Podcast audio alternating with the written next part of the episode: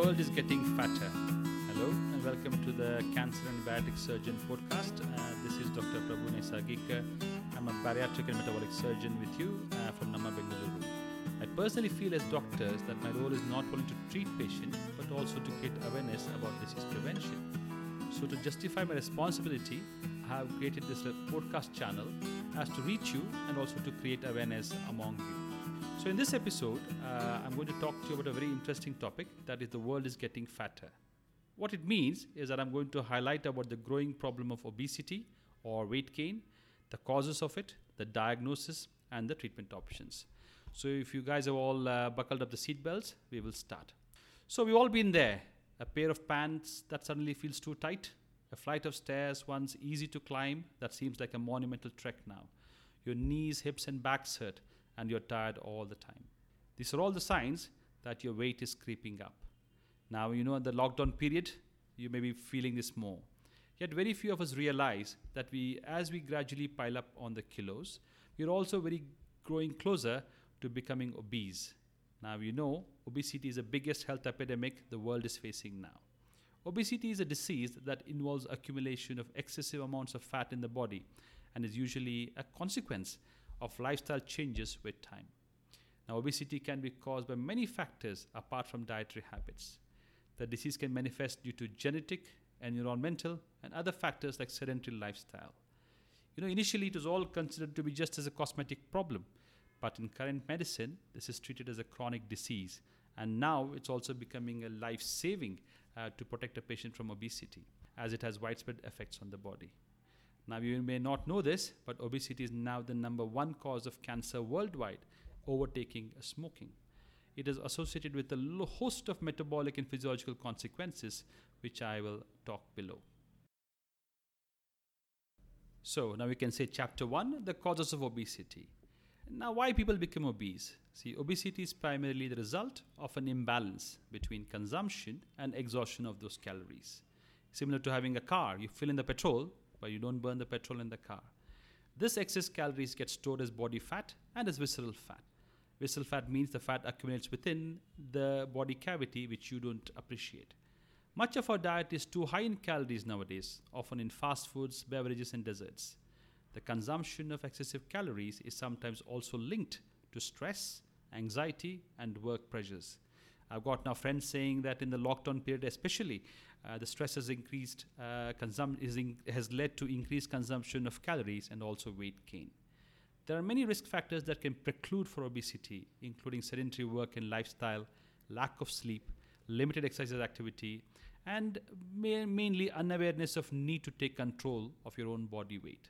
Now, there are other contributable medical, contributable medical conditions to obesity, like uh, genetic history, hormonal imbalances, drugs, and other medical conditions uh, which can cause obesity.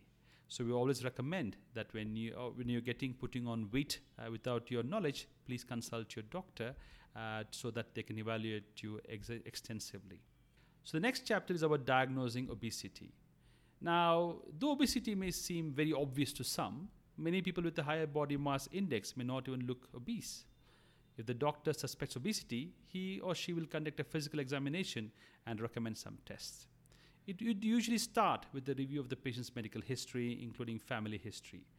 The review would also include the patient's weight gain history, efforts at any weight loss in the past, exercise habits, family history of obesity, and other weight related health issues. It is very important to realize that the family history is very prominent in all this uh, because some factors like diabetes and hypertension can actually be passed on to the family members as well because of obesity. Now, a diagnosis of obesity is pretty much confirmed by the patient's body mass index. Now, this is a standard tool used worldwide, and we use the word BMI in abbreviated form.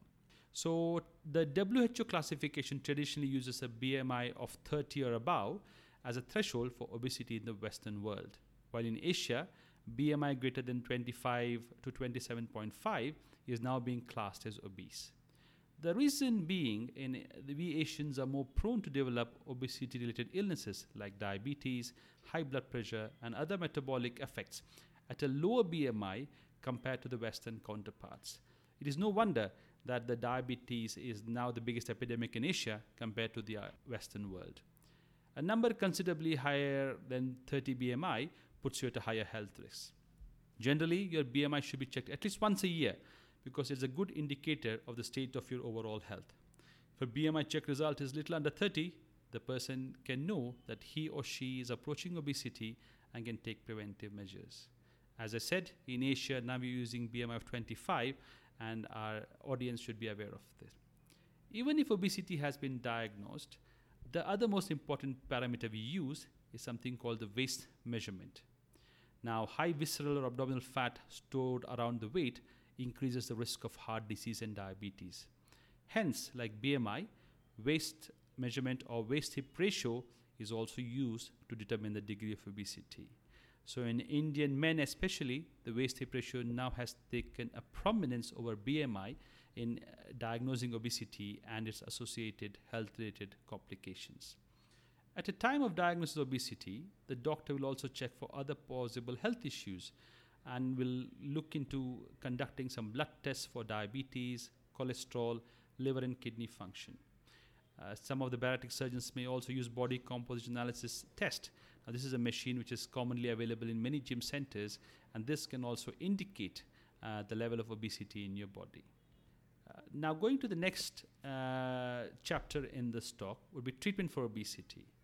Now, I've gone through the main causes of why obesity happens. Now, how we can treat obesity. Now, before I start talking about treatment, it's very important to realize that obesity is still considered as a stigma by many. And this is the main reason many patients actually differ from seeking treatment for this reason. Now, this also leads to mental depression uh, with the stigma of being obese and has got many other associated complications arising because of it. It is now well known that obese patients, on an average, have a lesser lifespan compared to normal patients, and more importantly, have a poor quality of life owing to the multiple comorbidities they face. You'll be surprised to know, even until 2019, bariatric surgery in India was classified as cosmetic surgery for insurance purposes, and they would not cover uh, for surgery if the patient underwent one. But now, even insurance companies and the government have realized that this actually is actually a life-saving surgery for obese individuals, and now has come into the proposal of being approval uh, for bariatric surgery. Now, the positive effects of weight loss is just not seen on physical appearance, but also on mental health, uh, aiming to improve your quality of life and also the length of life. Now, the first step in any treatment for obesity is lifestyle changes. Now, this is the basic foundation of any weight loss treatment. Now, treating obesity depends on the amount of fat to be lost and its persistence despite lifestyle changes and exercises that the doctors may suggest. Now, the counseling informs patients that weight loss is a slow process which takes hard work and perseverance. The obese patient will undergo a thorough dietetic review by a bariatric dietitian, and tailored diet plans are advised to reduce the calorie intake. Meal replacement shakes are also provided to accelerate and complement the weight loss. In conjunction with the dietetic, we also advise physiotherapy and yoga therapy sessions to enhance the quality of the calorie loss and and the, all this uh, combined team effort is putting uh, to achieve a weight loss which is tailored to the patient's individual preferences and his lifestyle. Lifestyle modification can be the primary treatment for patients who are marginally overweight. So, example, if you've got a BMI of 24, 25, 26, and you're meant to lose around 5 to 10 kgs, this can very well be achieved with a concentrated multidisciplinary effort and a strong will of the patient. Now, the, there are other modalities of helping weight loss, including pharmacotherapy. Now, many people would have gone on Amazon.com or other online websites looking for medications uh, to look for weight loss. I have to be very clear in this matter, saying the the drugs which has been used uh, they have they've got very limited effects in maintaining weight loss over a duration of time. And even if you undergo pharmacotherapy, it has to be in conjunction with the lifestyle changes of diet and exercises and then only you may achieve any benefits. But pharmacotherapy is not used as a standard regimen uh, for treatment for weight loss. And that next leads us to the next treatment options, uh, which is uh, interventional type, which includes endoscopic therapy and surgical therapy. Now, I would talk about the endoscopic therapy first, as this almost equates to a scarless surgery. Now, one of the very uh, popular methods of uh, endoscopic therapy over the last few decades has been place, placing a gastric balloon in the stomach. In this procedure, the surgeon puts an endoscope into the stomach and then places a balloon, which is involves a volume of around 450 to 650 mils, and he places it in the stomach. Uh, this is usually a day case procedure, and the patient goes home the same day. Now, how does the balloon work? So, this works by reducing your appetite because it gives you a constant sensation of being full. Now, this balloon is usually in, left in place for usually around 6 to 12 months and then has to be removed. This therapy is only advised based on the patient's BMI, their personal choice, and determined by the amount of excess weight loss they desire and is advised accordingly. The next endoscopic procedure, which is now quite new in the world, is endoscopic sleeve gastroplasty. This is uh, a relatively new procedure and mimics one of the surgical procedures called the sleeve gastro sleeve gastrectomy. It has had some good outcomes from the initial trials, but we're still awaiting long-term outcomes in this matter. In this procedure, again, the surgeon puts an endoscope in the stomach and involves suturing the stomach using a special kit called the endostitch that enables the bariatric endoscopist to place precise sutures in the stomach to narrow it. And as I said to you before, this mirrors the laparoscopic sleeve gastrectomy procedure. This reduces the intake of the food and also acts via hormonal mechanisms to aid weight loss. Now, as I said to you before, again, this procedure will be advised based on the patient's BMI and his personal choices. Now we move on. Uh, I would talk to you about the gold standard in weight loss surgery, which is the bariatric surgery.